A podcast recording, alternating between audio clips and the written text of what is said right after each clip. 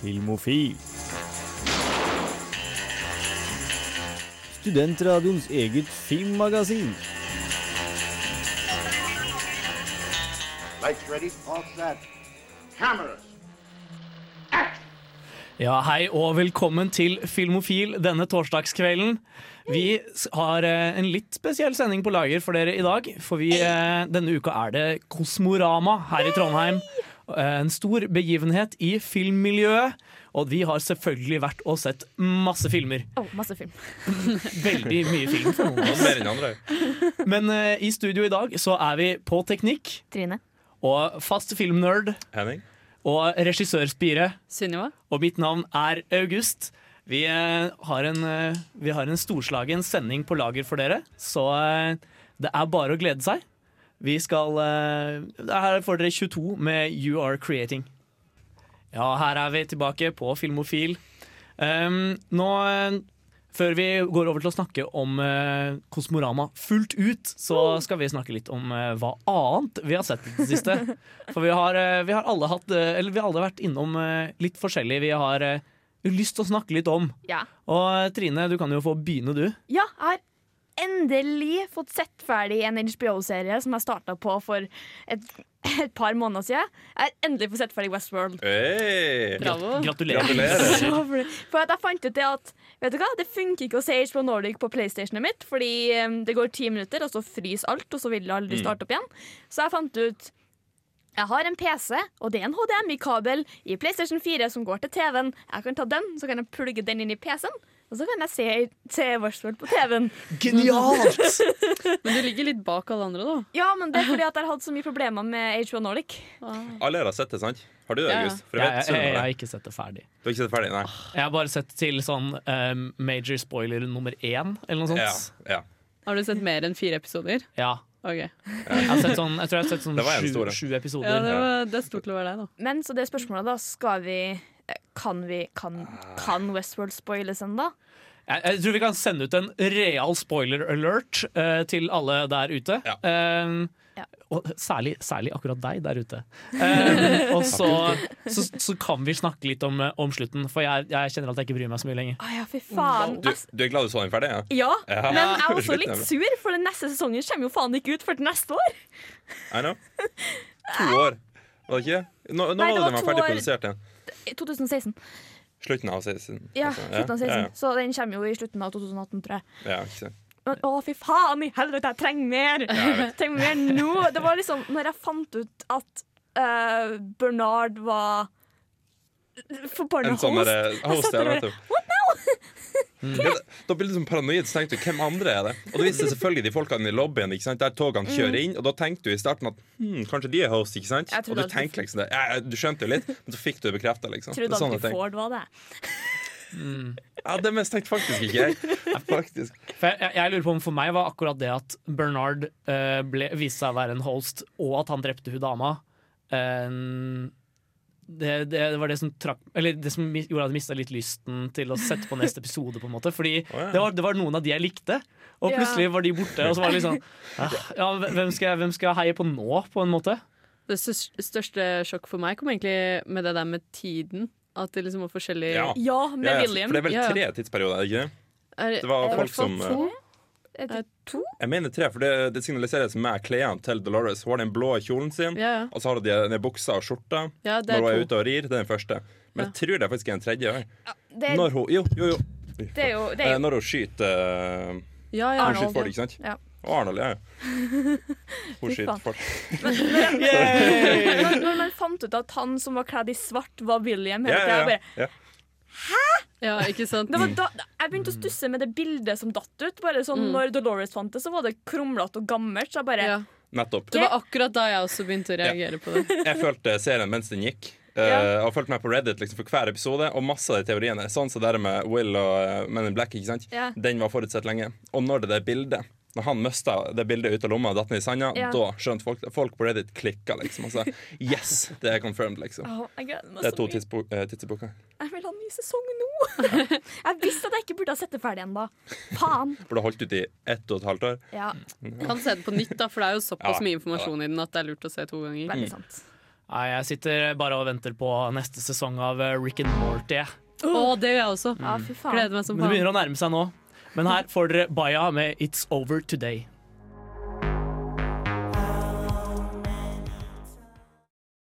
Ja, hei og velkommen tilbake til eh, Filmofil.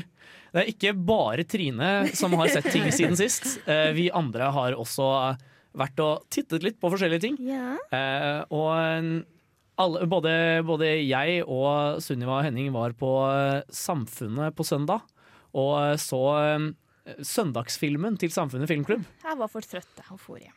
Ja, men eh, det vi så var Twin Peaks Fire Walk With Me. Og jeg vet ikke, Hva syns dere om den? Jeg har ikke sett noe av Twin Peaks før, så jeg var det litt, litt ille å si det sånn. Oh, Den var wow. spesiell, altså. Mm. Kanskje Altså- hvis jeg har sett serien òg. Kjempebra, men det var Ja, litt for spesiell. det, det er litt det, fordi den spoiler jo Eller hvis du ikke har sett serien, så spoiler den jo hvem som er morderen, da. Så det er litt sånn det å gå tilbake til serien etterpå er kanskje negativt. For jeg har bare sett de første fire episodene av serien, Okay. og så Ja. så jeg filmen. Jeg har også bare sett de første fire episodene av serien. Så eh, vi var egentlig litt sånn um, dårlig forberedt.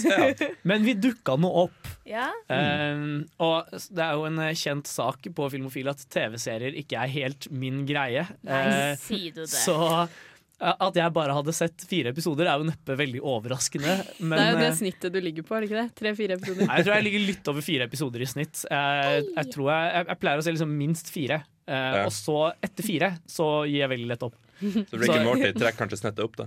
Eh, ja, der har jeg jo sett opp igjen og opp Ja, igjen. Men det er jo lett, for der er det jo bare 20 minutter eller Ja, ikke sant? Men eh, eh, sånn apropos Twin Peaks, liksom.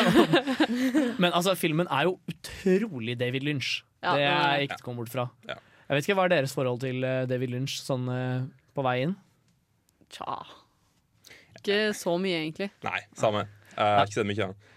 Nei, Jeg har egentlig sett ganske mye David Lynch. Jeg bestemte meg på et tidspunkt da jeg gikk filmvitenskap for å ha et lite sånn David Lynch-maraton for meg selv. Hvor jeg så eh, tre Lynch-filmer på rappen. Hvor en av de var Inland Empire, som er tre timer lang. Ja, da var jeg ødelagt i hodet etterpå. Ja, det kan jeg tro. Um, men, eh, men i hvert fall, den føyer seg veldig naturlig inn i hans på en måte, rekke med sånn marerittaktige filmer. da Uh, jeg er veldig spent på, liksom, i forhold til filmen, hvordan den nye sesongen kommer til å bli. da Ja. Fordi at eh, det var så mye om det der røde rommet som liksom Ja. Det var sånn rødt rom som man aldri egentlig skjønte helt hva greia var med. Eller det var mange ting i filmen du egentlig ikke skjønte helt hva greia var med. Eh, og Jeg som har sett null episoder av Twin Peaks, kan si det var veldig mye i den serien jeg så forvirrende. Men det var mye interessant, altså. Det var mye jeg var interessert i, sånn som det røde rommet. Det var Veldig interessant Ja. å tenke hmm, hva er det, liksom? ja, at hun ble sånn engel på slutten og Ja. liksom hele den greia der. Da. Jeg lurer liksom på hva som kommer til å skje med det i den nye serien. Jeg kommer til å se den nye serien, liksom. Hmm. Uh, og det er mye på grunn av at jeg så filmen på søndag. Så eh, ja, det er verdt å få med seg hvis man er interessert i noe litt sånn. Mm. Kan man vel si. Jeg har også vært og sett en eh, annen film på kino, faktisk. Eh, en film jeg gleda meg veldig lenge til å se. L av oh. Paul Ver- Verhoeven. Eh, som jo handler om eh, en- kvinne spilt av Isabel Huppert, som vant Golden Globe for rollen. Ja. Eh, Ikke Oscar. Dessverre. Ikke Oscar, Fuck dessverre. Emma Stone. Wow. Men, eh, men i hvert fall, eh, hun, hun spilte så bra som alle hadde sagt, på en måte. Ja. Eh, Men i hvert fall, filmen åpner med at hun blir voldtatt. Ei! Eh, Mm. Veldig sånn rett på. Vi får, vi får se bilde av katten hennes mens vi hører liksom lyden av at hun blir voldtatt i bakgrunnen. Ja. Eh, og så klipper vi bort fra katten til liksom å faktisk se på at hun blir voldtatt. Um, Ja. Og liksom hun, hun håndterer den voldtekten så veldig sånn utradisjonelt. da Hun er sånn Nei, jeg, nå er det gjort er gjort, og spist er spist, og så må vi bare komme oss videre med livet, liksom. Um, Og børsta det av seg, liksom. Ja, ja, det er sånn som skjer, det. ja, nei, men Hun reiser seg virkelig opp og liksom tar på seg klærne igjen og, og begynner å koste opp eh, noen sånn glasskår. som- det, og tilbake på jobb og liksom ta mange dager før hun faktisk sier til noen at hun har blitt voldtatt. Da. Eh, veldig, veldig merkelig. Men, eh, men eh, den er utrolig fascinerende laga.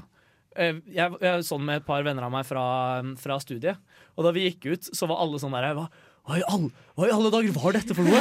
Jeg vet ikke hva jeg skal, jeg hva jeg skal føle. For du, den er kjempemorsom i ene øyeblikket, og så er den liksom ja, så er det en brutal voldtekt da, i neste øyeblikket. Det det er kjemperart. Men, men enkelte av scenene var oppriktig morsomme. Altså. Jeg lo høylytt mange ganger. Wow. Noen sånne der middagssekvenser hvor hun har invitert alle vennene sine, men bare er skikkelig spydig mot dem. Så det, det, det, er- var, en- det, var en, det var en veldig spesiell filmopplevelse. Det er film jeg veldig lyst til å se. Ja, Du fortalte meg om den rett etter du så den. Jeg, den er på lista, for å si det sånn. Ja. Den skal ses. Jeg har den. Vi kan uh, gang eh, Nei, nei, men Folk burde faktisk dra og se den på kino. ass. For den er, den er en litt sånn Altså, Greit nok, eh, Den visuelle stilen er kanskje ikke så spesiell, men eh, på en måte eh, generelt det, er noen av scenene som på en måte blir enda sterkere da når man får det på stort lerret med høylyd og greier. Mm. Men nå skal vi høre en aldri så liten låt. Vi skal høre Azealia Banks og Lunis med 'Crown'. Filmofil gir deg nyhender fra filmen og fjernsynets i spanende vær. Ja, og eh, nå har vi fått tilbake vår gode, gamle nyhetskorrespondent fra tidligere år. Trine, har du, Ja. noe, har du noen nyheter for oss denne uka? Jeg har noe. Uh, jeg har litt. uh, Samurai Jack har Ja. premiere på lørdag. uh, Ja, for det, Skulle det komme en film, eller er det en Serie. ny, er serie. ny, er ny- ny sesong. Finalen. Konklusjon. Skal han endelig tilbake til fortiden? Kanskje. Mm. Nei, Jeg så faktisk opp igjen Samurai Jack-introen på YouTube her for et par Ja. dager siden. Det det, det, er, det er en fet, uh, Det er fet kult. introsekvens. Ja, det er kult. Back to the Jack, the heart of Jeg har sett et par episoder, faktisk. Ja, det dukka opp i feeden min på YouTube. Sikkert fordi jeg googla det. Ja. Altså, jeg Jeg har sett store, store deler av Samurai Jack. Jeg så det jo på Cartoon Network da når det gikk der. Ja, ikke sant. Uh, Mm. Cartoon Network, når det fortsatt var bra. Ja, samtidig, når du ser på episodene opp igjen, så syns i hvert fall jeg at animasjonsstilen ser liksom billig ut, på en måte. Den gjør jo det. Den, Det Jeg synes egentlig her, det som, allerede som barn, jeg. For å være ærlig. åh, ja. uh, men Hør på hun som skal bli filmskaper, da, liksom. syv år gammel og kritisk til Cartoon Network. Altså- ja, nei. det var jo også grunnen til at jeg eh, ikke likte South Park da jeg var yngre. Eh, men i senere tid har jeg begynt å like det. Da. Jeg har kommet meg over den liksom ja, den nei, I South Park er det jo veldig del av greia. Ja, ja, det er jo det, men jeg bare takla det liksom ikke helt. Men ja, det, den har premiere på lørdag, og jeg lurer på hvordan det blir. Eh, Bad Boys 3 Oi. Ja. har mista regissøren sin. Mest sannsynligvis på grunn av creative differences. Han var en bad boy, eller? Jeg skal gå ut, tror jeg. Sorry. ja. Du får ikke tilbake æren etter den der. ass. Eh, bare gi opp. Jeg skulle fortsatt ønske at jeg kunne spille noe på creative differences, for vi hadde Ja. så mye. Men, eh, men ja, hvem var det som var eh, regissør? Eh, Joe Carnahan. Hmm. Hadde ikke han gjort et eller annet spennende tidligere? Jeg mener jeg hadde funnet en litt sånn kul regissør til det prosjektet, men eh, det kan hende jeg bare husker feil. Eh. Jesus. Der, ja. Eh, hva har han gjort før, da? Har de produsert The Grey? The Grey, ja. Jo, jo. Ja, ikke, ikke så mye spennende, altså. Nei, men altså Han, han skal lage X-Force, da. Det gleder jeg meg litt til. Mm. Faktisk. Men Nei, Blir det- det, noe Bad Boys, eller er det bare Vi droppa? vet ikke. De har bare ikke funnet De har mista regissøren sin, stakkars. Worse Boys. Jeg, jeg vet liksom ikke helt hva jeg skal synes om Bad Boys-franchisen sånn generelt. Fordi altså, Første Bad Boys-filmen var debutfilmen til Michael Bay, Ja. og det er, en, det er en skikkelig dårlig film. Kvinnelig hovedrollen virker som en sånn tiåring i en, eh, i en 20-årings kropp. Det er helt forferdelig å se på. Eh, men Bad Boys 2 syns jeg på mange måter er Michael Bay sin, sin mest fullendte film, på mange måter. Altså, det, er, det er få ting som er så Michael Bay på på en måte eh, på den gode måten, da, som Bad Boys 2. Så jeg, jeg er veldig, veldig fan av akkurat den. eh, Men, eh, men ja, treer så mange år etterpå. Ja, ja. Vi får, vi får se hvordan det går med Bad Boys 3. Eh, Damon Chazelle har kommet, har eh, kommet ut og sagt hvilken film han, har, han skal lage nå etter La La Land. Han skal lage en film som heter First Man, og skal handle om Neil Armstrong. Oi. Han, han liker musikkfilmer. Og Ryan Gosling skal tydeligvis være med. Ja ja. Det høres jo ikke altfor dumt ut, det. Nei, det er jo ikke noe dårlig det han har lagd til nå, da, så jeg jeg er positiv. Ja absolutt. Ja, ja. Men jeg, jeg skulle gjerne sett han gjøre noe annet enn sånne musikkfilmer òg. Eh, men det kommer sikkert med åra. Kommer sikkert. Hehehe. Jeg vil bare ha en liten eh, Star Trek Discovery, som er den nye Star Trek-serien, har eh, funnet kapteinen sin. Mm. Og det skal da være Jason Isaacs fra Harry Potter og A Cure for Wellness. Ah. Hva er det han spiller i Harry Potter? Eh, faren til Draco Malfoy. Å ja, det er han, ja. Mm. Skal han bli eh, eh, Captain Kirk, eller er dette et nytt crew? Eh, nytt crew. Han skal tydeligvis hete Captain eh, Lorca. Faktisk. Ja, fint navn, det.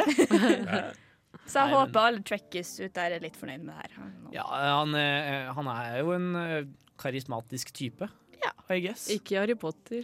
Her får dere Sigrid med 'Don't Kill My Vibe', etterfulgt av en pause. me down, you like the control.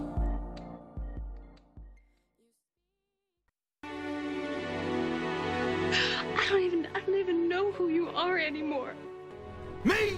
I know who I am. I'm a dude playing a dude disguised as another dude.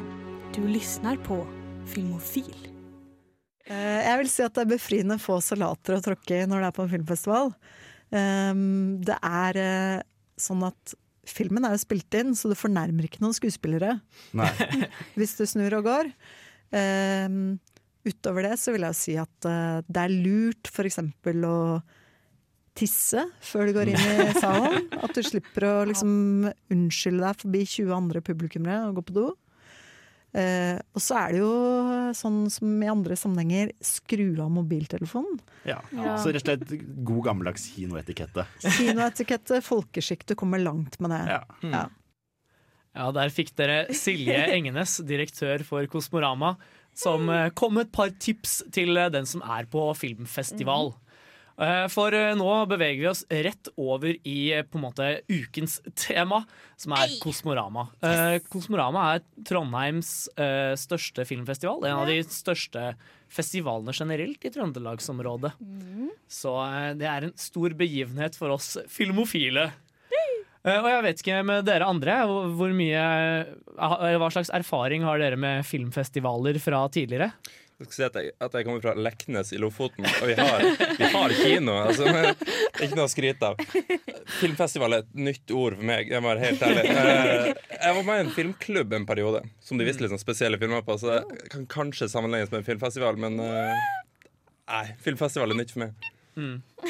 Sunniva, har du vært på en festival tidligere? Eh, kanskje ikke sånn direkte festival. Jeg hadde hatt noe sånn festivalpass, for jeg har gått og sett dritmasse over veldig kort tid. Men eh, jeg har jo vokst opp med en far som er kunstner, da. Og det har blitt en del sånne der kunstfilmer og eh, Jeg har sett mye sånn derre sært norskt og sånn, da. Som kanskje man ellers ikke ville sett på kino. Ja. ja, men Filmfestival er noe helt eget, altså. Ja. Du har jo vært temmelig aktiv festivalgjenger tidligere, har du ikke det, Trine? Jeg har vært på Kosmorama en gang før. Jeg var der i fjor. Og så fun fact. Jeg har vært med og skapt eh, en filmfestival for alle VG2 medie- og kommunikasjonsstudenter i Trondheim og Sør-Trøndelag. Faktisk. Det er jo ikke verst. Så jeg var med på det i to år, helt til jeg slutta på videregående. Så det er kjempemorsomt. Festivaler er så kult. Hva heter den festivalen, da? Eh, Den het MK-festivalen.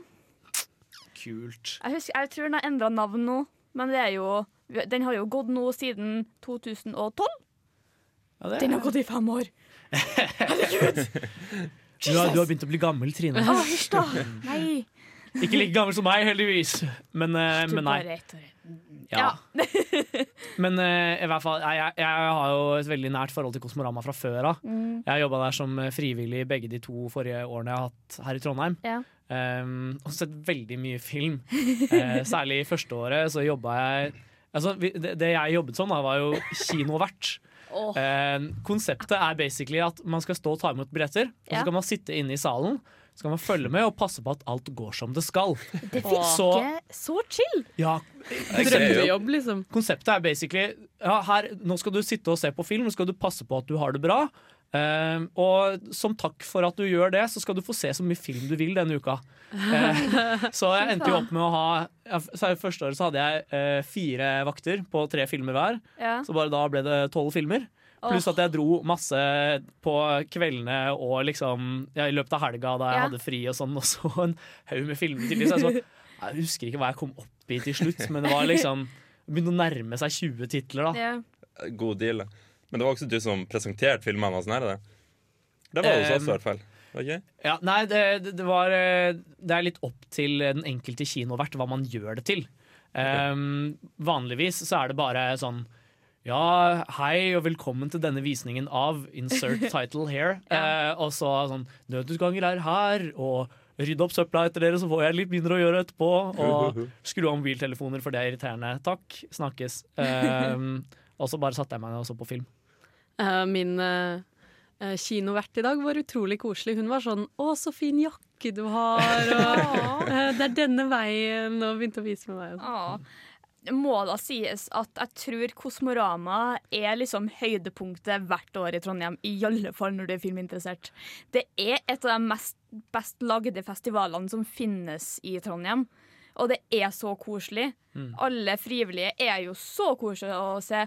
Og jeg kjenner jo mange som er frivillige, også, siden det er filmhvitt-folk.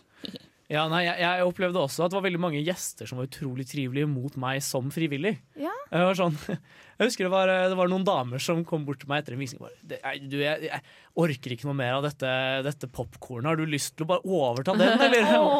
Ja, du vet hva, Jeg har ikke fått spist lunsj i dag fordi det var litt tight overgang. Så, så nei takk, det setter jeg pris på.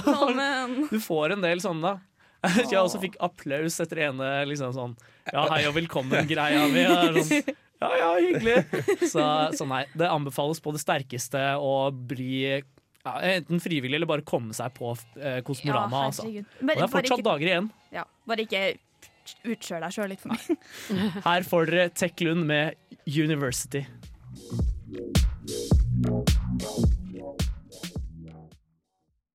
Ja, og eh, her på Filmofil i kveld så snakker vi jo selvfølgelig om Kosmorama, Hey. filmfestivalen som pågår i disse dager. Og vi skal gå litt nærmere inn på hvilke filmer vi har sett. Det er stort sett det vi kommer til å snakke om i dag. Vi har sett veldig mye film. Å, gud. Jeg vil ikke Men- se mer film, jeg. Men ja, vi, vi kommer til å dele det litt inn da, etter eh, programkategoriene. For eh, ja, eh, særlig eh, Eller på Kosmorama så pleier de å dele inn filmene i ulike programkategorier. Mm. Som sier litt om hva slags film det er. Og den første vi kommer til å snakke om, det er kanskje det viktigste programmet. New Directors. Ja. Mm -hmm. Kan du ta den, August? Fordi, Selvfølgelig. Det står, det står så mye her. Jeg har programmet foran meg, skjønner du.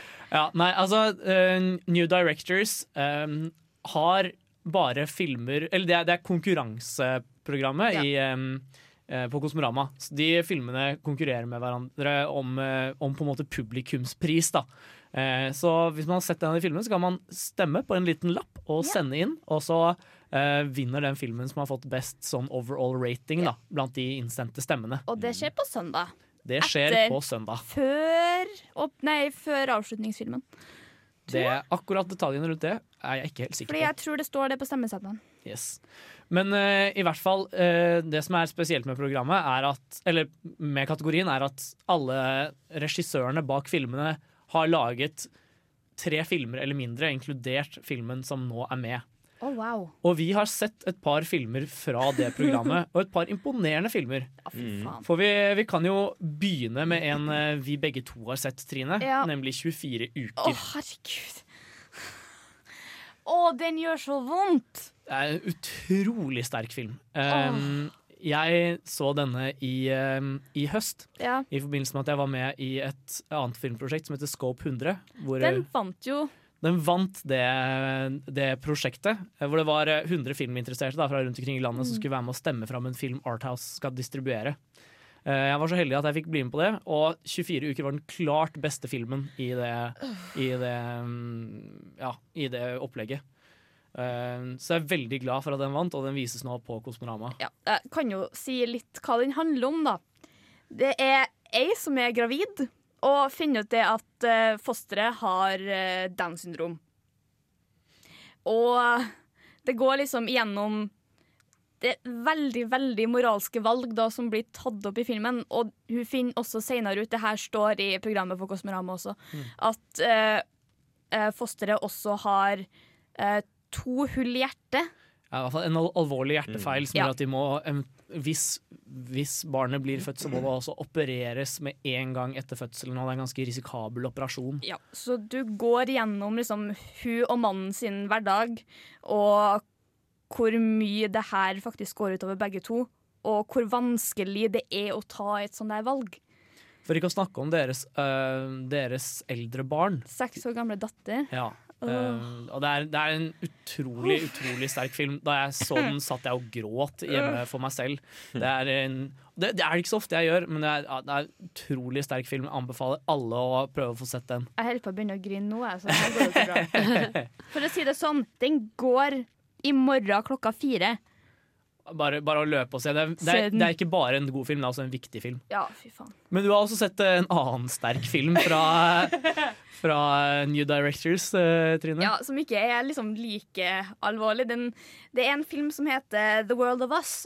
Det er en eh, sørkoreansk film som handler om ei jente som heter Sun, som er, blir holdt utafor. Hun har ingen venner. Og så er det ei som eh, flytter dit, og så starter de å få et vennskap, og så går bare alt til helvete. Å, den filmen gjorde så vondt! Fordi jeg skjønner så godt det å være utafor som lita. Det liksom det å ikke ha noen venner, det at dem du tror er vennene dine, dytter deg bort. Og familielivet hennes bare øh. den, den, den gjør så vondt, men det Mm. gir et så godt budskap om hvor vanskelig det er å være unge av og til.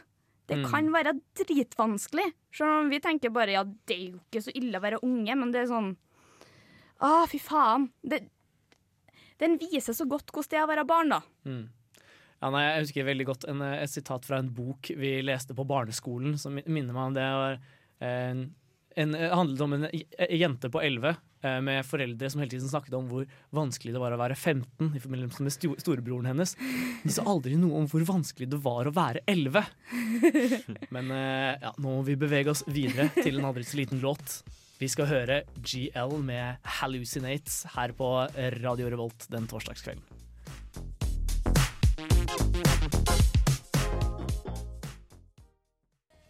Ja, hei og velkommen tilbake til Filmofil. Eh, vi snakker fortsatt om eh, programkategorien New Directors på Kosmorama. For eh, vi har sett flere filmer derfra. Eh, Sunniva og Henning, dere har blant annet eh, sett en film. Eh, ja, vi har sett Kjempen. Mm. Det er også åpningsfilmen Stemmer til? Kosmorama. Eh, svensk film. Eh, veldig overrasket, positivt overrasket Ja, over den. veldig. Hva handler filmen om, sånn i korte trekk? Eh, Det handler om eh, en kortvokst uh, dame Altså- autist. Er vel, eh, Han har eh, veldig mye forskjellige både syndromer og misdannelser. Ja. Uh, og han, ja, han har blant, blant annet en sånn klump på det ene øyet. En Utvekst, slags svulst eller Ja. utvekst. Og så uh, går rart og på en måte sånne ting. Og det handler jo på en måte om livet hans, da. Eller ja, så han har det veldig vanskelig fordi han er, han er veldig altså, det, det, blir ikke forklart i filmen, men det står i hvert fall i beskrivelsen av filmen at han er autistisk. Så han har veldig problemer med å snakke med folk. Han har veldig noen snakkevansker, og i noen eh, steder i filmen så får du se ting gjennom hans øyne. Han har bare ett øye pga. utveksten, og det er veldig sånn blurry. Du ser ikke hva som skjer. ikke sant? Det, ja, filmen beskriver liksom hvor vanskelig det er å være han. liksom. Ja, og selv når han er 30 år gammel, så er det folk som liksom mobber han i gata. Sånn her. Det er, Men det handler jo også om det fordi han har jo blitt 30 år, eller han blir 30 i filmen, da. Mm. Eh, og det er veldig uvanlig eh, å bli så gammel, da, yeah. med de forutsetningene han har. Eh, så man følger jo han på en måte eh, rett før den 30-årsdagen, da. Og noe av det han ønsker seg til bursdagen sin, er jo å se moren sin. Mm. Og man får se litt klipp fra hun moren sitt liv også. Man får ikke se de noe sammen, men hun, eh, hun også sliter jo veldig. Hun eh, er innestengt på et rom. Mm. Eller hun har stengt seg selv inne på et rom, da. Eh, på et sånn type pleiehjem. Eh, bor der, dusjer ikke, spiser ikke. Sånn hoarder-aktig, liksom. Ja. Ja, masse rot i hele leiligheta, og det er papegøye eneste å ha, liksom. Eh, og han har jo bare lyst til å møte henne og være med henne, liksom. Ja. Og får ikke det til. Da. Veldig rørende. Ja, det- er veldig rørende film, og det er mye når det kommer fra meg. Altså. Jeg blir ikke lett rørende film, men enn det det var, faktisk. Altså, jeg gråt og jeg lo, og Ja. ja. Det eneste som jeg ble litt sånn irritert over, var kanskje at eh, nordisk film er blitt så into shaky cam. Det er rake motsetninger til hva jeg har hørt fra andre. En, en kompis av meg var så noe, han bare sånn det, det, det var dårlig oppbygging av karakterer og sånn. Han følte liksom ingenting. Hæ? Jeg skulle akkurat si akkurat det motsatte. For jeg er imponert over han skuespilleren. Ja, jeg er også sykt uh, imponert. Jeg husker ikke hva han heter, men han som, uh, han som spiller den her uh, kortvokste kjempen, som han kaller seg. Han, altså, hvor mye følelser han klarer å få fram i en karakter, hvor du bare ser halvparten av ansiktet hans. Og han han sier, han sier sjelden mer enn et halvt ord. Han klarer å si 'sugi'. Det tror jeg er det eneste Ja, ordet han Suggi sier. sier han jo mange ganger, men han sugi, sier ikke ja. noe om den Suggi. Han sier 'sugi', og det er navnet på det der, der sportslaget han er med på. Han og bestekompisen. Ja. Han eh, snakker ikke, han har nesten ikke ansikt. Det, det er bare kroppsspråk og et smil. Liksom. Det er eneste måten han får fram følelser, og det funker kjempebra. Ja, og det er også noe med det altså, Han har jo også sykt mye sånn De har jo gjort mye med ansiktet hans, da. Mm. Så det må jo være vanskelig, liksom, det Ja. ansiktsuttrykkene Ja, han lager. Og det er noe med det der også at han han er jo ikke en så kjent skuespiller fra før. Jeg tror ikke han har vært med i noe før det her. Nei, Mens men- han andre hovedpersonen Han har jo vært med i Millennium-trilogien. Liksom. Mm. Han er jo veldig allerede etablert, da. Men han bare har fått jobben Han fikk jobben en måned før filmen skulle spilles inn, og bare har skapt denne karakteren. Da. Så Kjempen er en varm anbefaling. Altså. Ja, absolutt. Absolutt. Men Trine, du har også sett en, eh, en annen film fra ja. konkurranseprogrammet. Jeg har sett en finsk film som heter 'Den lykkeligste dagen i Olimakki, er det ikke den heter? Jo. Ja, Oli i hvert fall. Uh, jo, 'Den lykkeligste dagen i Oli Makkis liv'. Takk Gud. Mm. Her er vi godt forberedt på film. Men jeg har bare kanten den lykkeligste dagen', for det er det den ble kalt under festivalen. Mm. Men det handler om eh, en finsk bokser med navn Oli Makki. Det er basert på en ordentlig historie fra 1960 Faen 1968? 1962. Ja, ja. Det var det jeg tenkte først. Ja, ja. Om han skal bokse mot den regjerende verdens eh, liksom, Han er amerikaner, i hvert fall. Ja. Davy Moore. Mm. Så liksom, du følger uh, hans sånn sluttfase da, i treninga, og så ser du uh, kampen da mellom dem to. Og så du ser at han, han er ikke så veldig tilfreds med å ha så mye eh, så mye presse rundt seg hele tida. Han vil liksom være litt, litt alene. Så på et tidspunkt i filmen så ser du at han, han springer med en drage rundt om i skogen. I stedet for å springe opp en trapp som Rocky gjør, så du går springer rundt i skogen i stedet for. Men den var kjempekoselig. Fytti gata. Litt mer feel good enn de tidligere filmene du har sett, i hvert fall. Ja. litt. Litt opptur. Nei, så det er ikke bare nitriste ting å hente på Kosmorama. Nei. Man kan også få ganske koselige greier Ja. servert hvis man bare leter på rett sted. Ja. Her får dere Great News med 'Falling'.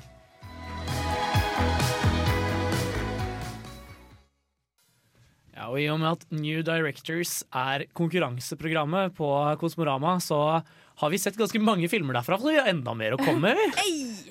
Um, først, er det, først er det min tur til å snakke om en, en film jeg har sett. Jeg har sett en som heter A Wedding. Ja. Og eh, den handler om en kvinne ved navn Sahira, eh, som er eh, belgisk-pakistansk. Så hun er, ganske, hun er ganske vestlig og frigjort selv. Men familien har veldig tydelige, eller veldig sterke røtter da, til eh, hjemlandet og tradisjonene derfra. Ah. Og eh, på et tidspunkt så blir hun gravid, og mm, dette må man jo ta stilling til. Uh. Og altså Filmen begynner veldig sterkt, etter min mening. Altså Første scena uh, var skikkelig overbevisende. Vi ble bare slengt rett inn på den der abortklinikken. Hvor hun sitter og snakker med en, en sykepleier eller lege om hva det, eller hva det kommer til å innebære å måtte ta en eventuell abort. Og du, du, får, du får introdusert karakteren og hennes problemstilling så effektivt. I løpet av et halvt minutt så vet du på en måte hvor hvor hun er, hvor hun, eller hva, hva hun går gjennom. da. Ja. Um, og hun er skikkelig sjarmerende karakter også.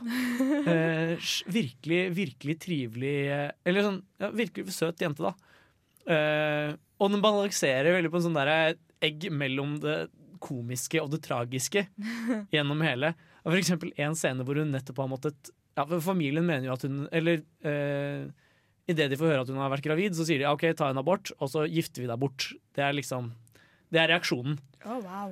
Eh, Ja, og hun skal da selvfølgelig gifte seg med noen fra Pakistan, som tradisjon. Eh, eller som tradisjonen er. Eh, og hun må da skype med disse guttene som hun skal velge mellom, og eh, finne ut hvem hun vil ha. Oh, wow.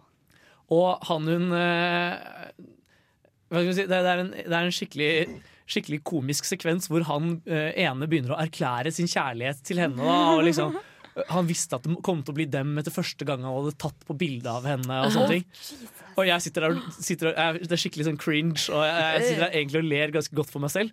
Og så kutter de rett til at hun løper bort til vasken og kaster opp. Og det er sånn du klarer, Det er så brå bra. veksling fra noe skikkelig, skikkelig komisk til bare sånn Å ja, shit, dette er faktisk realitetene, da. Um, jeg syns kanskje ikke filmen slutta så sterkt, men den er verdt å se bare for liksom starten og, og midtdelen, for det er veldig mye, veldig mye kul historiefortelling der. Ja. Men vi har enda flere filmer vi skal gjennom! Ah, dette blir helt krise. Nei da. Eh, for det er bra filmer. Er bra. Men eh, Henning og Sunniva, dere har også vært og sett eh, Marie, en film om Marie Curie. Mm. Det har vi. Den startet ikke så veldig rett på sak. Den Nei. kom egentlig aldri til saken, syns jeg. Nei, det, jeg føler i hvert fall den falt litt flat, den filmen der. Den Ja. hadde noen problemer. Den handlet liksom om både det eh, hun klarte å prestere i sitt liv, som jo var Var det radium? Ja, det var radioaktivitet, i hvert Eh, fall. Ja, som eh, hun brukte til å minske kreft. Hun fikk den vel ikke Mm. helt. Og hun var også første kvinnen som vant en, Nobels, eh, nobelpris. Ja, Eh, og hun vant jo også to. Første Mm. som vant to. Eh, men i tillegg til dette her så tar det jo opp liksom det der vanskeligheten med å være kvinne på den tiden, og hennes kjærlighetsliv og alt det der. Og det var litt sånn derre Ingen Altså, hver av historiene kunne heller vært én film. Det ble veldig sånn derre mye veksling mellom de to, og du skjønte aldri helt hva de ville komme frem til. da Mm. Ja, det føler jeg. Så den, den tok over de to tingene. Både kjærlighetslivet hennes på privaten etter mannen sin død, og det her, det her, det her feministbudskapet, liksom. Hvor vanskelig det var på den tida der å være ei, ei kvinne i et akademisk miljø. Men du skjønte liksom ikke Ja. Sånn så eh, Den ene scenen Det er en del scener hvor du føler du ikke Du føler du har sovna av litt, og så Ja. våkner du opp og Oi, hva, hva skjer nå, liksom? Det er en scene hvor elskeren hennes og en journalist som prøver å sverte uh, ryktet hennes av en eller annen grunn, har en mexican standoff i en skog. Og det kommer helt ut av det blå. Ja. Det er sånn, du bare, du bare dukker opp i skogen her, liksom. En pussig film der, altså. Kanskje ikke den man burde oppsøke hvis man eh, har dårlig tid under festivalen. Nei, pen å se på, da. Ja, Det var det var Ja, det er da noe. Nå skal vi høre Brother Ali med Own Light.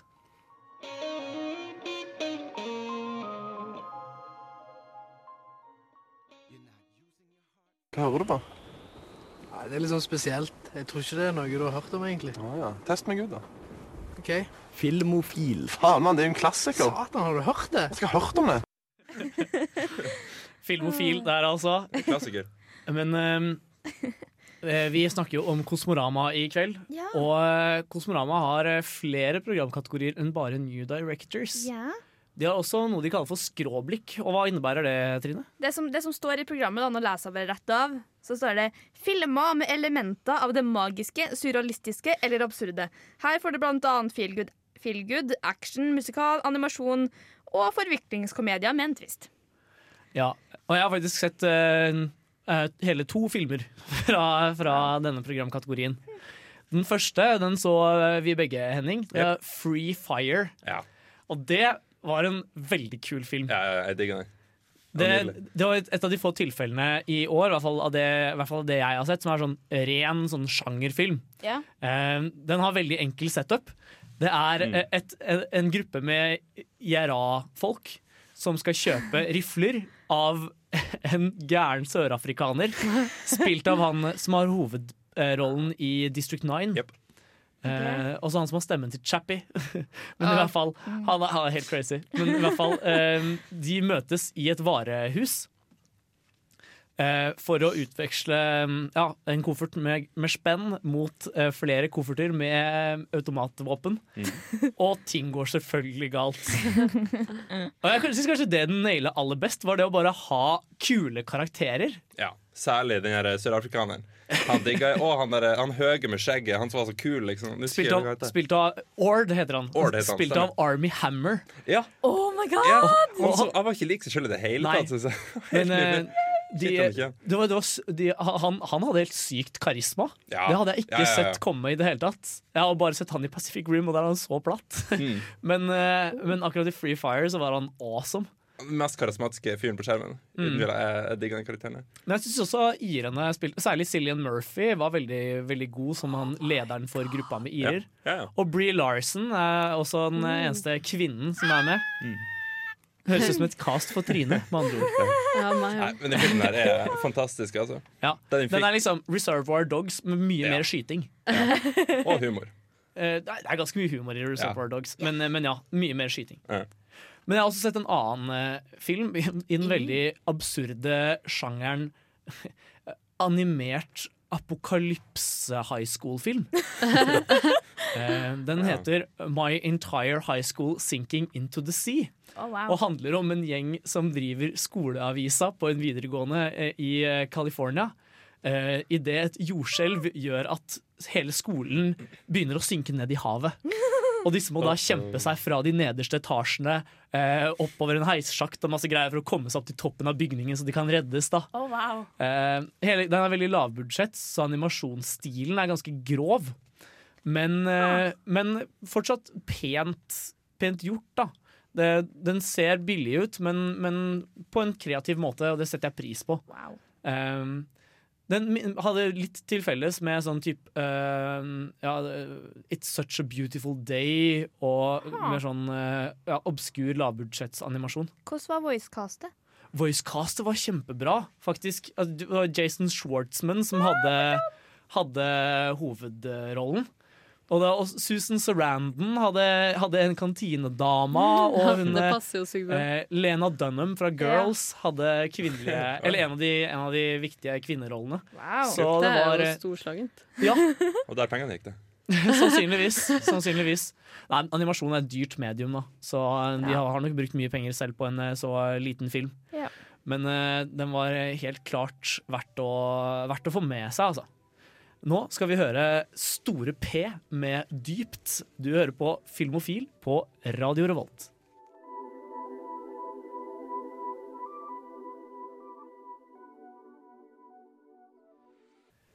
Ja, og eh, i Kosmoramas skråblikk-kategori, eh, programkategori, så har vi også sett et par andre filmer, særlig du, Trine. Ja, jeg har jo sett ti allerede denne uka her. Herregud. Jeg har et problem. Det er et par. Men eh, de var begge fra Korea, etter hva jeg forsto. Ja, Sør-Korea, altså. Jeg, jeg tror ikke akkurat det kommer så mange filmer fra Nord-Korea. Jeg mistenker at de som kommer ut derfra, ikke er sånn kjempebra nødvendigvis. La oss, la oss slutte å snakke om Nord-Korea, kanskje. Mm. Jeg, jeg, så, jeg så en film som heter Queen of Walking. Ja, den Som- så veldig søt ut. Den var ja, veldig, veldig koreansk. Kødda meg. Hele tingen er narrat... Nar narratert? Er det Ja. et ord? Eh, fortalt, Forta- heter det kanskje ja, på norsk. Voiceover, da. Ja. Av en ku. Det? Kua til hovedpersonen har liksom voiceover gjennom hele filmen. Og så bare sånn på et tidspunkt sånn Yes, there's romance in this movie! Alright. Det så, Var kua engelsk? den, den, nei, det var, okay. det var selvfølgelig på koreansk, Okay. men jeg kan da faen ikke koreansk. og så, det, det handler om om ei som er, har skikkelig skikkelig reisesyke. Hun kan ikke sitte i noe som beveger på seg uten å kaste opp, så hun bestemmer seg jeg går overalt. Og så tror læreren hennes at hun er veldig, veldig fattig, så hun blir med hjem og bare OK, det går fint. Oh, hvorfor blir ikke du med på liksom å springe track Hva faen det heter på norsk? Er det ikke Kappgang. kappgang? eh, Ja. Jo, jo, det er kappgang. Ja, bli, bli med på det. Da, du, du, klar, du får oppfylt drømmene dine! Everything is awesome! Det var en veldig rar dame. I kappgang, liksom. Ja. Ja. så det liksom, Du følger henne da på treninga hennes, og sånn Og så er det litt, sånn, litt animert her og der. Plutselig så er det en stor dinosaur som på går overalt, for hun har jævlig mange sånne reisesyke plaster på halsen. Hun begynner å hallusinere. Den er veldig, veldig sær. Veldig søt, da. Og rar. Jeg vil ikke se den igjen, men eh, folk må gjerne dra og oppleve den. Altså. Det er en opplevelse i seg sjøl. En annen film som er en opplevelse i seg sjøl, er Yourself and Yours. Jeg kan seriøst ikke forklare hva den filmen handler om, fordi jeg forsto ingenting. Det høres ut som Korea. Det var, det, var, det var en skikkelig rar film. Det var et par som var sammen, og så slår de opp. Og så tror vi at det er ei som ligner veldig på hun som kommer tilbake i byen, for hun stikker av. Og så er du ikke sikker på om hun har en tvilling, eller om det er trillinger, eller hva faen det er for noe. For du forstår faen meg ingenting av liksom hva som skjer, og hvem hun er. For du sitter her bare og Hva er det her? Den, den bør dra og oppleves. Mm. Er, det, er det noe du kan sammenligne med av annen koreansk film? liksom? Jeg har ikke sett så mye koreansk film. jeg, Så det Det eneste jeg har sett av koreansk film, er, jo- er jo thrillerne. Sånn Ja. Park Chan-wook sine uh, Oldboy og Oldboy, Ja. uh, Sympathy for Mr. Vengeance og Lady Vengeance. Og, og de er jo kjempebra på sitt eget liksom, fucka vis, men, Ja. men uh, dette høres ut som noe helt annet. Men det er liksom, du sitter på slutten av filmen når rulleteksten går og bare Hæ? Slutter det sånn? Hæ? Det høres litt ut som Enemy. Kanskje vi har snakket det til at det er ingen av dere som har sett den? Er det? Nei. Det er ikke, den, ja? ikke, ikke enemy. Nei, nei, nei, jeg bare tenkte på Enemy når du sa det var Ja. Er det en tvilling? Er det en, nei, nei, Ja, Og du slutten er veldig sånn Hæ? Og det er slutten, liksom? Det er veldig Ah, ja. rar. Mm. Så, sånn, sånn er det av og til.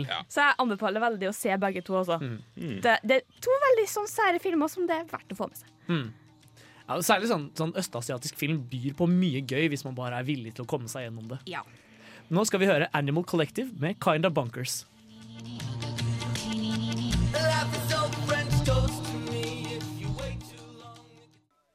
Wow. Animal Collective der altså, med Kind of Bunkers. Litt som Trine sine koreanske filmer. Men eh, nå skal vi videre til et eh, sideprogram som er litt spesielt. For eh, Kosmorama har veldig tett samarbeid med en annen festival i området. Som vi har snakka om for eh, det, det klippet av hun Silje er jo Mhm. fra den sendinga vi hadde om fest, filmfestivaler. Ja. Da snakker vi også en del om denne, denne festivalen, nemlig Ramaskrik. Den går i Oppdal hver høst. Yep. Og de får ansvaret for et, eh, et lite, en liten programkategori da, med, med skrekkfilmer, rett og slett. Som typisk går fra ti til tolv på kvelden. Mm. Temmelig stemningsfullt. Uh, og eh, dere har sett et par filmer derfra, Sunniva og Henning? Ja. Vi har sett en film hver uh, alene, og så har vi sett en sammen. Sammen, Ja, ja. var, den første den vi så sammen, det var Sadako versus Kayako. Burde den egentlig kategoreres som ramaskrik eller humor? Uh, Jeg tror de ville gjerne den skulle være skrekkfilm, men eh, det var mer latter enn eh, skrekk. Altså. ja. ja. Jeg fikk sånn skikkelig nostalgifølelse til sånn åttende klasse, Ja. når jentene Ja, ja. sitter med pute foran ansiktet og hyler, og gutta driver og tøffer seg. Og, Det er ikke skummelt, da. da ikke det. For det, det er jo en sånn mash-up av The Ring og The Grunge, Ja, ja. eh, hvor de monstrene da på en måte Altså Du følger to historier parallelt. da En The Ring-story og en The Grudge-story. Og så på slutten så møtes da disse to Mm. monstrene her i en sånn krig, eller jeg vet ikke hva Ja, faen fordi- det kalles. De er veldig, de er veldig eiersyke, kan du si. Så de, hvis noen har fått deres uh, Curse. da, Enten- enten respektivt til grudge hvilken eller- film. Ja, så, så er det de som skal drepe den. Så trikset for å slå ut begge demonene da, ideen er at du skal få en person med begge forbannelsene, og så bare bæ, sett i motkamp. Riktignok tror de. De. Men, eh, det hører, det er akkurat like teit som det høres ut. Ja, eh, og karakterene også er jo helt sånn Alle er sånn stereotypiske Ja, du sa det var veldig skrekkfilmkarakterer. koreansk, den forrige filmen. Ja. Det her er veldig japansk, for å si det sånn. Ja, men altså Den typen uh, monster versus monster er jo ikke noe nytt Nei, nei, nei. i, i på en måte den, den sjangeren. Nei, nei, men i, i, i amerikansk film også. Du har jo både uh, Alien versus Predator Ja, ja. Det er og også Godzilla versus Mekka annet. Det blir vel Det Megashark versus Mekashark er en uh, annen amerikanske. Men det er veldig gøy også hvordan de bare liksom hver gang, hver gang det er noe galt, så bare dukker det opp noen som veit noe om det. Og så er det litt sånn Ja, det rare håndbevegelser og sånn lyder, og så bare fikser ting seg. Ja, det er to Eh, karakterer. Et medium som er Hva Jeg vet ikke hvordan jeg skal. Altså, så er Det var blind- sånn. Airbender, The Last Ja, ja, ja. Airbender-fyr. Ja, ja, ja. Eh, og så hadde han med seg en sånn blind jente på kanskje ni år. Uh, som liksom så alt som kom til å skje, da. Og de to var liksom de som skulle fikse alt. Ja, den filmen der har en del problemer. For å si det sånn. Ja. Du Men kan hva- se den for underholdninga, for jeg flirte masse av den filmen. Ja, ja, det var artig, altså. Men av feil grunn. Men uh, hvilken andre film var det du hadde sett, Henning? Uh, Jeg hadde sett My Father Die, som er regidebuten til sønnen til Pierce Brosnan, faktisk. Oi. Ja. Dæven.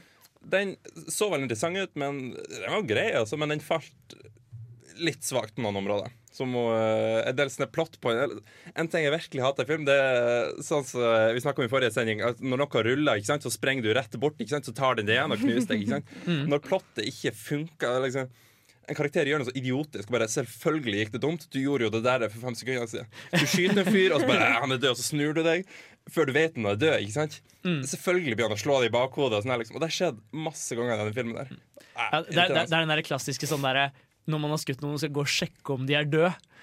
Det, det, det, går, det, det, er- det er sånn aldri, aldri gjør det i Det film. bedre å sjekke, da. Hvis ikke så får du jo en smell i bakhuet. Ja, ja, men man, man kryper alltid oppå dem eh, og liksom Du burde heller tømme magasinet i ansiktet på Ja, for, for, for å quote Zombieland, always double tap. Ja, Ja. Men Sunniva, du hadde også sett en eh, siste film fra uh, Rama Skrik. Ja, jeg dro og så I'm Not a Serial Killer. Uh, den var ganske overraskende. For jeg hadde lest litt om den på forhånd, og det handler om en gutt på 16 som er eh, sosiopat. Han får diagnosen eh, sosiopat, og han eh, dagdrømmer jo masse om å drepe folk og sånne ting. Og så bor han i en bitte liten by, og så plutselig begynner det å bli masse sånn Det er en seriemorder da, som begynner å drepe folk i byen. Og da er jo han på en måte naturlig mistenkt, selvfølgelig. uh, og jeg tenkte dette høres ut som en skikkelig spennende plott, men så var det bare sånn Det var så mye plot twists. Det var bare sånn plot twist på plot twist. Han begynner jo da å prøve å finne ut hva som skjer, da. For han vil gjerne finne denne morderen, og jeg vet ikke, han, kanskje han ser opp til han, eller liksom Han vil i hvert fall finne ut hva som foregår, og driver og begynner å undersøke det her, da. Eh, og så bare viser det seg sånn ja, for, altså sånn, Det er helt usannsynlig hvem som er morderen, for det første. Og det får du vite drittidlig i filmen. Så det blir sånn derre What? Kommer dette her allerede? Og det er jo fordi at det kommer flere og flere plot twister etter hvert. da Så det var skikkelig artig. Det var skikkelig sånn derre Det var skikkelig mye humor samtidig som det var skikkelig spennende. Du lå liksom nedi stolen. Er det, er det verdt å se pga. Christopher Lloyd, eller? Uh, jeg syns den er verdt å se uansett. Eh, Bare storyen var skikkelig, skikkelig sær og morsom. Men eh, altså, så det var velfungerende. For en del sånne der filmer med altfor mange plot twists blir litt sånn Oi, det var Altså, det, var, det var kanskje tre store plot twists da, var når du fikk vite hvem morderen var, og så viser det seg etter hvert at det er noe sånn overtroisk, og det legger jo ikke filmen liksom, Når du leser om filmen da, og begynner å se filmen, så virker det jo ikke som noe overtroisk i det hele tatt, fordi det er jo en morder, og så er det en annen som skulle ønske han var morder, ish. Men så plutselig så er det bare sånn Nei, OK, det er et monster inni det hele, og bare wow. Det høres nesten ut som uh, skrekkfilmversjonen av ja, enten Shyamalan eller Minority Report. Det er noe sånn derre plot twist, plot twist, plot twist. Eller Westworld. Men den var veldig kul, da. Det var den. Jeg likte Ja. den. Men uh, nå skal vi høre en låt. Vi skal høre 'Svalestup' med 'Alt du trenger', etterfulgt av en liten pause. Vi har sett For et program i burra med både klasse og stil. Du hører på Filmofil. Ja, du hører på Filmofil her på Radio Revolt. Og vi snakker fortsatt om Kosmorama. Eh, nå skal vi videre til eh, et annet eh, lite program de har, som heter Samfunn. Ja. Og Hva handler det om, Trine? Eh, det står her. Fortellinger som synliggjør enkeltmenneskets møte med samfunnsmaskineriet. Her finner vi alt fra ren fiksjon til filmer basert på sanne historier. Hmm. Har du sett noen spennende filmer i den kategorien? Jeg har sett to filmer i den kategorien, faktisk. Eh, jeg tar den jeg kanskje ikke var så veldig fornøyd med, som var Good Luck Sam. Hmm. Det handler om eh, en eh, fransk al... Algerie Fransk alge- algersk? Ja. Algerisk. Ja, noe sånn. Uh, Alger. Han er fra Algerie, i hvert fall. ja, som han lager ski. Og I Algerie. Nei, i Frankrike, da. i Frankrike. Så han lager ski, og eh, selskapet hans med kompisen begynner å gå litt under, så de finner ut OK. Eh, de hadde en deal med en svenske for å liksom, få skiene sine vist i OL, og den gikk dundas. Så jeg fant ut OK, uh, det er ingen andre som kommer til å gå på ski for uh, Algeria, så du får gjøre det. Faren din er derifra. Du kan si du er derifra. Kvalifiser deg til OL. Nei, jeg fikk sånn veldig sånn Eddie the Eagle-følelse. Det var litt sånn fransk Eddie the Eagle. Som sånn Eddie the Eagle var mye bedre. Det, det, var- det, det, mangla litt Hugh Jackman-faktor, rett og slett. Ja, det mangla litt Hugh Jackman-faktor. Det var liksom veldig likt. Helt til plutselig de er i Algeria, og han Med land og trær. Og jeg skjønte ikke helt hvordan vi havna der. Hmm. Hvorfor begynner jeg med de? Eh, andre filmen jeg har sett, var A Day for Women. Som eh, er en film som handler om en liten landsby i Egypt som får et nytt eh, badeanlegg. Og hver søndag så, får, så er det åpent kun for kvinner. Og vi følger en del kvinner som bor i den landsbyen, og hvordan det at de får være der hver søndag, da, hva det gjør med livet deres. Og den filmen var så sykt koselig. Jeg trodde jeg skulle kjede meg, for filmen er to timer lang. Og når det er den siste filmen jeg ser en dag, så hadde jeg forventa at det her kommer ikke til å gå bra. Men jeg ble så positivt overraska og kjempefornøyd. Den var sykt koselig. Og Og- virkelig verdt å få med seg. Og jeg husker jeg hadde en skikkelig sånn opplevelse for to år siden. Med, Ja. med A Separation. Nei, ikke A Separation, men uh, uh, Vivianes kamp heter den. Okay. Uh, det, det, det var, det var, jeg hadde hatt en sånn kino, vakt som kinovert, eh, og siste filmen jeg fikk, var en over to timer, et over to timer langt israelsk rettssaksdrama om en, om en kvinne som, vil som vil skille seg fra mannen. Da. Ja. Og jeg satt der og trodde jeg skulle kjede livet av meg. Men etter at det hadde gått liksom 20 minutter, så var jeg så inni det. Og det var så Det var skikkelig skikkelig intens filmopplevelse. Men det er så godt å ha sånne opplevelser. Det det. Når du går inn til en film og bare Nå er jeg skikkelig sliten, det er slutten av dagen. Jeg har sett fire filmer allerede i dag, og du blir sånn skikkelig positivt overraska. Så er det sånn Mm. Åh, yes! Det, det her var verdt det. Ja. Men eh, hva er liksom tematikken generelt? Er det, tar den opp kvinners stilling i Egypt og sånn, eller er det en- mer en slags sånn Nei, Det er liksom veldig sånn overfladisk. Liksom. Det, alt ligger liksom på overflaten. Det er ikke sånn kjempesterke kvinnelige karakterer, men jeg likte dem. Det var liksom ei som uh, uh, bruker tida si på å posere for å bli malt. Og liksom, ja. og hun har veldig dårlig rykte da i landsbyen, for alle sammen tror at hun gjør det naken og er skikkelig, skikkelig slutty og bare alt. Mm. Men det, vis, det, ja, det viser seg jo det at hun er forelska i en som er gift, og en, har liksom endt opp med å ikke bli sammen med noen i det hele tatt, for hun var fortsatt veldig veldig glad i han. Så kom han tilbake, og så skjer det ting. Og, den, er kjempe, den er bare koselig. Den er ikke så veldig dyp, akkurat. Men den er veldig koselige kvinnelige karakterer som jeg fant ut at jeg, jeg liker. Ja, det er jo ikke dumt, det, da. Nei, Av og til trenger man bare litt sånn feel good for å komme seg gjennom dagen. veldig koselig. Og særlig Det er ja, også ei som har mista sønnen og mannen i en båtulykke, da. Det, det, det var ikke like koselig. Nei, men særlig sånn mot slutten av kvelden så er det deilig med noe sånn litt tilbakelent. Ja. Det kan bli intenst med festival også. Ja, herre. Men eh, nå skal vi høre en eh, liten låt her på Radio Revolt. Vi skal høre Iffy Orbit med Let It Go.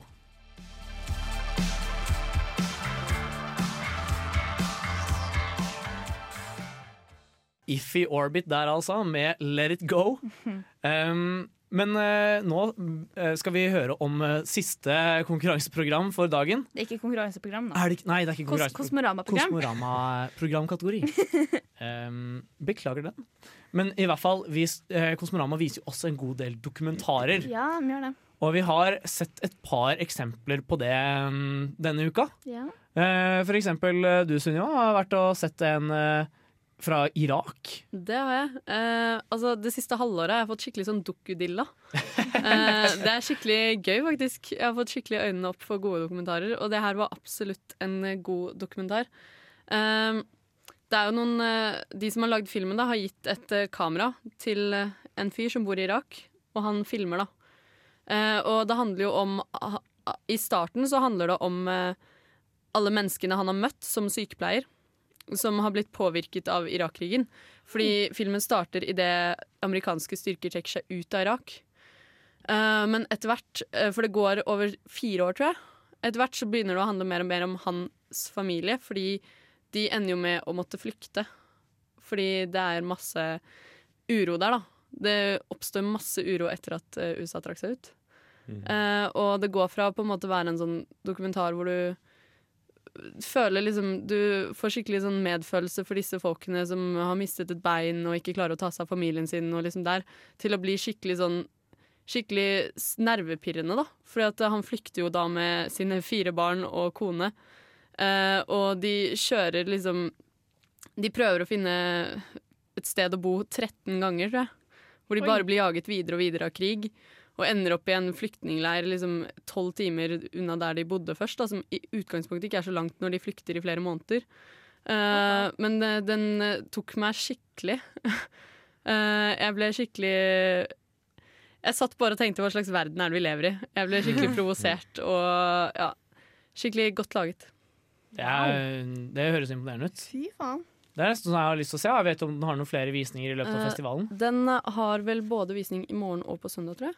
Det er nesten sånn vi burde få med oss. Eh, det er absolutt det. Altså. Det er sånn Du bare Jeg lurer på om de filmskaperne, liksom, når de begynte å lage filmen, så er det jo ikke dette her de tenkte kom til å bli Nei. utfallet. Ja, den har visning på lørdag og søndag. Ja. Fordi du sitter liksom og tenker bare sånn Ikke slutt, ikke slutt. Fordi at du vil bare vite om det går bra med de, da. Mm. Det er Oh, wow. helt klart eh, en som er, en man burde få med seg hvis man har tid. Ja, absolutt. Men Trine, du hadde også sett en veldig sterk dokumentar. Ja, jeg har sett en dokumentar som heter The Chocolate Case. Som eh, eh, rett og slett handler om eh, tre journalister fra Nederland. Som, de har en TV TV-program som er veldig likt eh, Forbrukerinspektørene i Norge. som heter CIA. Jeg husker ikke hva det sto for. Vi er FBI. Eh, som eh, finner en nyhetsartikkel der det står liksom slavearbeid i eh, sjokoladeindustrien. Så de velger å se nærmere på det her. Og ender da opp med å lage den største sjokoladefabrikken i eh, De blir den største sjokoladefabrikken, nei, produsenten til slutt, da, i Nederland.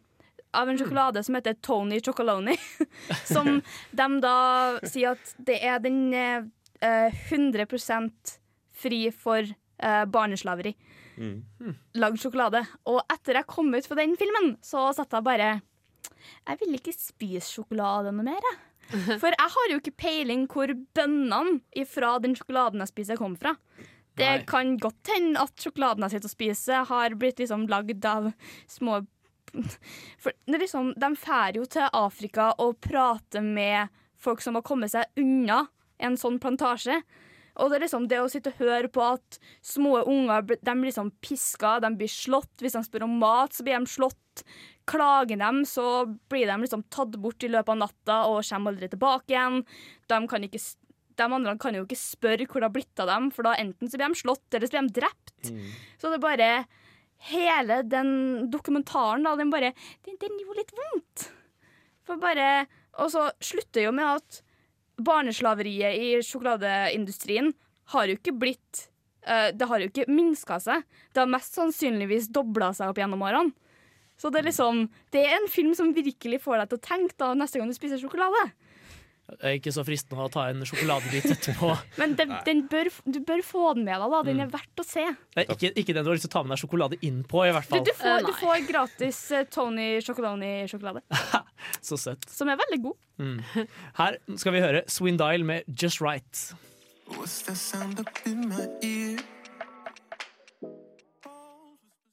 Ja, denne sendingen har vi nå snakket mye om Kosmorama her på Filmofil.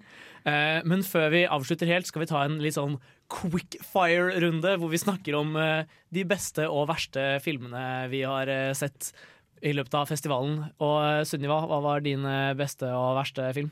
Jeg kan jo begynne med den beste, da. Eh, det var Eller kanskje ikke sånn For den, det er Hippopotamus. Den har ikke sånn veldig sterkt budskap eller noe. Den bare er skikkelig artig. Eh, den er basert på en eh, bok av eh, Stephen Fry. Eh, dermed har den veldig sånn dyster humor og sånn pessimistisk syn på livet-humor. Og det var bare skikkelig morsomt. Jeg så den rett før jeg kom hit, og det var skikkelig gøy. Og den verste er vel Marie Curie, fordi at den var skikkelig skuffende. Jeg hadde hørt så mye Mm. bra, og så var det ikke så bra. Mm. Ja. Nei, det Sånn kan det gå. Hm? Sånn kan det gå. Sånn kan det gå, ja. ja, Ning? Min verste, i motsetning til din, hadde ingen forventninger, fortsatt kjempedårlig. Og det var Sadako versus Kayako. Eh, ja, underholdende fortsatt, men det var en utrolig dårlig film. Ja, det var det. Beste var Kjempen, eh, Mm. fordi den var så utrolig rørende. Og hovedkarakteren er eh, veldig, veldig veldig bra spiller. En rørende film der, altså. Trine, da? Ja, jeg, jeg sliter jo så veldig med å finne favoritter, for det er liksom 24 uker, og ah, The World of Us, de, de står bare og bare De er like bra til meg, for begge to gjorde et skikkelig Mm. impact, som jeg har sagt De første filmene vi snakka om, rett og slett. Ja, den første filmen vi snakka om. Og verste tror jeg må være Glory. Det er også en film i New Directors um, eh, programmet. Ja. Det, det var en bulgarsk film om eh, en togarbeider og korrupsjon i Den var rar. Det, det var første gangen jeg satt og kjeda meg. Og det var så trist. Jeg satt der og bare eh, Det var småmorsom av og til. Han Hovedpersonen endte opp med å stå på et bad uten bukse, for han har klart å søle noe på buksa si før han skulle på sånn presse, presseting, og så står han der, for noen har tatt buksa han fikk lånt. Så står han der da bare på badet og bare Ja, har ikke noe bukse. Ja, ja. Nei, jeg hadde også en film jeg kjeda meg skikkelig på. Uh, den het The Winter. Og uh, handlet om uh, trauste, gamle sauebønder på, i Patagonia i Argentina. Wow. Eh, den minnes meg om sånn der klassisk sånn skandinavisk sånn gretten gubbefilm. Bare uten den der lune humoren som ofte gjør de filmene veldig verdt å se. da så nei, The, The Winter den ville jeg styrt unna. av alt det vært. Den brukte, liksom, den brukte en time på å introdusere liksom, det som jeg tror var, skulle være hovedkonflikten. Uh, og da hadde jeg allerede rukket å kjede meg skikkelig lenge og var drittlei, liksom. Så den bruker like lang tid som å introdusere vinteren som Game of Thrones gjør. ja, ja, omtrent. Ja, de brukte jo uh, seks sesonger, da. Litt forskjell. Tenk på bøkene, så blir det for 20 år eller noe sånt. Så- Litt fornøyd med egen vits. Herregud. Men den beste filmen jeg så, har jeg heller ikke fått snakka om hittil i sendinga. eh, og den er, eh, den er veldig verdt å få med seg. Ikke nødvendigvis bare på Kosmorama, men den kommer også på kino neste uke. Så da kan dere vente dere en aldri så liten anmeldelse. Det er da Darden-brødrene sin eh, nye film. u, eller 'Kvinne ukjent'. La fille inconnue, som den heter på eh, fransk. Og den er, eh, den er virkelig god. Den handler om en, eh, en lege ved navn Genie Davin. Eh, kvinnelig lege som eh, får en siste pasient på døra sånn en time etter stengetid, Ja. og som ikke orker å åpne opp. Ja. Og eh, morgenen etter så står politiet utafor døra og sier Hei, vi, eh, vi har oppdaget et lik i området. Har du, kan vi se sikkerhetskameraene dine? Så viser det seg at uh, jenta som ble funnet død, hadde banka på, uh, banka på uh, rett før hun døde. Å, og eh, hun blir på en måte helt, opp, helt besatt av dette mordmysteriet og prøver, eller skal dødelig finne ut hvem det er som har gjort det. Og historien er skikkelig medrivende, og hun jenta er så utrolig selvoppofrende. Så jeg satt der og liksom bare kjente at jeg ble mer og mer sliten i løpet av filmen. For det var liksom etter en lang dag, og eh, hun stanger liksom hodet mot veggen da, hele veien, og alle vil ha hjelp av henne hele tiden. Ah, men eh, sykt verdt å få med seg, altså. Det er mitt høydepunkt fra Kosmorama i år. Hmm. Men nå skal vi høre Sushi og KB med Tingen. Gjør det fra jeg våkner. Jobber til jeg kubber. Ja, i denne uka har vi snakket om Kosmorama her på Filmofil. Vi har gått gjennom et hav av filmer det er mulig å se. Ja.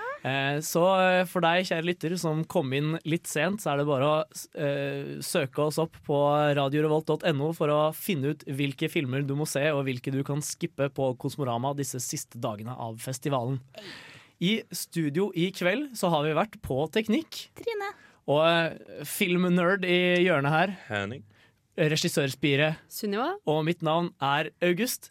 Neste uke så skal vi i anledning at uh, hva skal man si, 8. mars har nylig vært. Ja. Og vi anser mars som litt sånn kvinneuke. Nei, Kvinnemåned.